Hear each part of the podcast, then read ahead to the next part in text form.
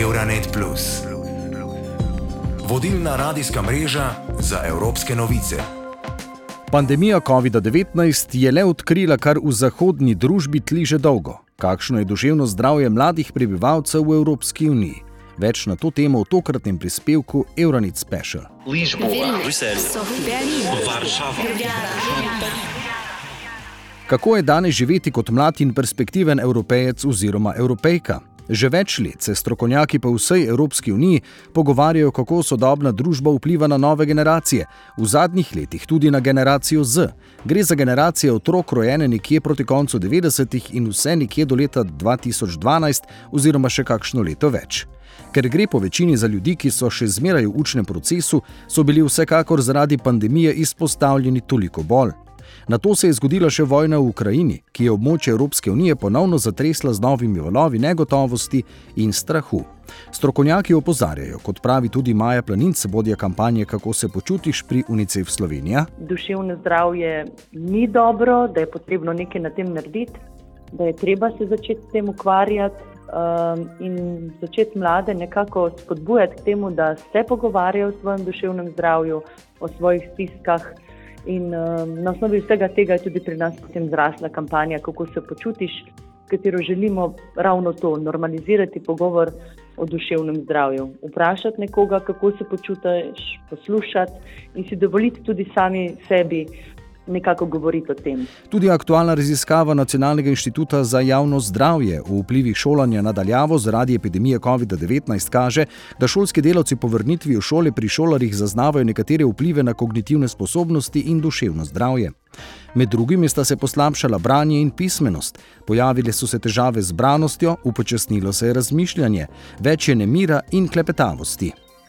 Kot je pokazala raziskava Nacionalnega inštituta za javno zdravje, je pri šolarjih na razredni stopni po vrnitvi v šolske klopi zaznati slabši besedni zaklad in pismenost, slabše branje, krajši čas branosti, klepetavost in več porabljenega časa za pisanje nalog in manjšo samostojnost. Maja Planinci iz UNICEF Slovenije ob tem dodaja, da je ključnega pomena sodelovanje tako staršev, otrok samih, kot tudi skupnosti. Uh, obstajajo tudi recimo, skupine za samo pomoč, terapevtske skupine, so tudi razna druženja, ki so prav namenjena staršem skupaj z otroki. Uh, preživljati čas na kakovosten način, ta občutek, da je zaželen, vreden, občudovan, uh, sposoben, da je dejansko v redu, tako kot je, tako kot se počuti, karkoli uh, počne, da ga imamo radi kot človeka, ne pa zaradi njegovih dejanj. Eh, to otroku največ pomeni in na ta način tudi otrok potem lažje predeluje tudi druge težave. Učitelji v šolah opažajo upočasnjeno razmišljanje, slabše pomnjenje, nemir, klepetavost, težave z branostjo, slabše znanje, težave pri postavljanju ciljev in pri nekaterih tudi upad telesne dejavnosti. Pri nekaterih učencih so po vrnitvi učilnice zaznali večjo občutljivost na dražljaje, kot je naprimer hrup iz okolja, Otroci so se tudi teže pogovarjali in teže vzpostavljali stike z vrstniki, več težav so imeli z nastopanjem pred razredom, motivacija za šolsko delo je upadla, upadlo je tudi gibanje, naraslo pa sedenje pred ekrani. Šolanje nadaljavo je tako vplivalo tudi na duševno zdravje. V splošnem so pri otrocih in mladostnikih zaznali nekaj več duševnih težav, kot sta tesnoba in impulzivnost. Ksenija Kos iz Slovenske krovne zveze za psihoterapijo izpostavlja predvsem pomen vrstnikov in spontanosti. Jaz mislim, da mladostniki to sami začutijo, s kom se bodo lahko povezali in v odnosu s kom bodo lahko reševali svoje težave. Zelo terapevtski momenti so lahko zelo spontani momenti z vrstniki, z pomembnimi odraslimi. In če tega mladostnik okrog sebe nima, bo potreboval strokovno pomoč.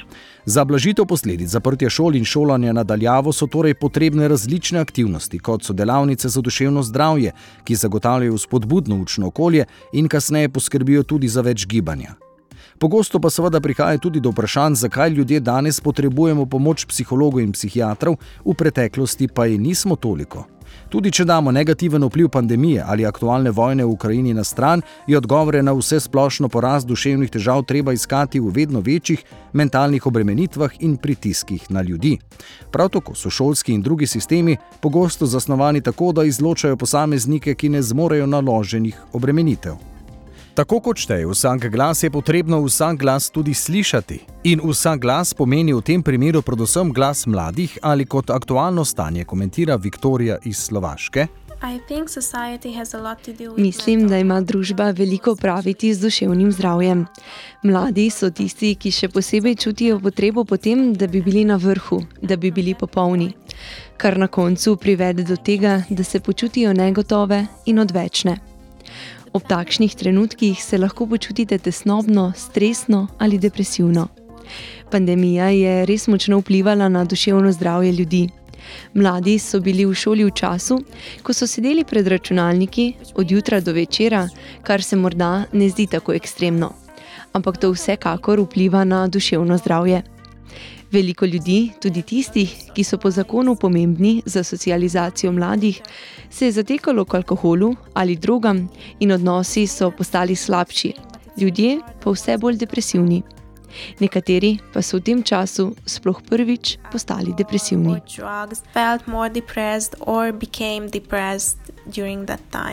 Dejstvo namreč je, da so mladi ljudje širom Evropske unije povezani na zelo podoben način. Izpostavljeni so istim družbenim omrežjem, poslušajo doma enako glasbo in tudi filme ter risanke na evropskem tržišču so iste ali pa zelo podobne. Tudi šolski sistemi se ne razlikujejo toliko, zato ni nič nenavadnega, če imajo pripadniki generacije Z tudi podobne duševne težave oziroma stiske. V to je prepričana tudi Magda, ki prihaja iz Polske. Najprej, ko slišim vprašanja o vzrokih krize duševnega zdravja pri evropski mladini, bi rekla, da so največji in najpomembnejši vzroki za to težavo in to krizo izolacija in socialni mediji ter dostop do teh socialnih medijev. Socialni mediji so sicer čudovito urodje, saj lahko delimo svoje misli, lahko se povežemo med seboj, tudi hkrati ta dostop povzroča številne duševne težave, kot samotne hranjenja ali tesnoba ker kot sem rekla, so neverjetno urodje. Postavlja pa se vprašanje, kako to urodje vpliva na nas mlade in zakaj imamo trenutno toliko težav, naprimer svojo samopodobo, tudi telesno. Prav tako pa je pandemija zagotovo vplivala na krizo duševnega zdravja v Evropi, saj je izolacija nekaj, kar je res res veliko vprašanje. Nismo mogli stopiti v stik, V bistvu nismo mogli preživljati časa drug z drugim, vsi skupaj kot svet. In to nas je zelo razburilo. Eh, in če za trenutek odmislimo vplive pandemije ali pa aktualno vojno stanje v Ukrajini, je pomembno vedeti, da so strokovnjaki že predtem opozarjali na določene probleme. Glede odvisnosti mladih od sodobne tehnologije in vpliva na njihovo zdravje, dr. Stojan Vezenkov, neurobiolog in raziskovalec tako imenovanega sindroma elektronskega zaslona, pravi. Na na... Če sklepamo tudi na podlagi zaslonske aktivnosti, kot družba dobivamo mlade, ki razvijajo avtistične simptome, vključno s hiperaktivnostjo in pomankanjem pozornosti. Spomin trpi, opažamo vedenske pomankljivosti, impulzivnost in čustveno nezrelost. Končni rezultati so izključenost iz družbenega življenja. Opažamo vse več otrok te generacije, ki pravijo, da je šola nesmiselna in neuporabna in zavračajo vsako sodelovanje v šolskem življenju učastje v učilišnem životu. Duševne težave pri mladih torej niso prišle čez noč, niti ne bodo odšle kar tako, če sploh kdaj bodo. Saj je potrebno vedeti, da je zahodni svet, kamor spadajo tudi članice Evropske unije, hiter svet. Hitrejši, kot ga lahko mlade glave dojamejo in razumejo. Danes je potrebno gledati na mlade in jim pomagati. Ter spremeniti določene pristope, sicer se družbi dolgoročno, morda tudi kratkoročno, ne piše dobro. Prispevek sem pripravil Borut Kampuš. Euronet Plus za boljše razumevanje Evrope.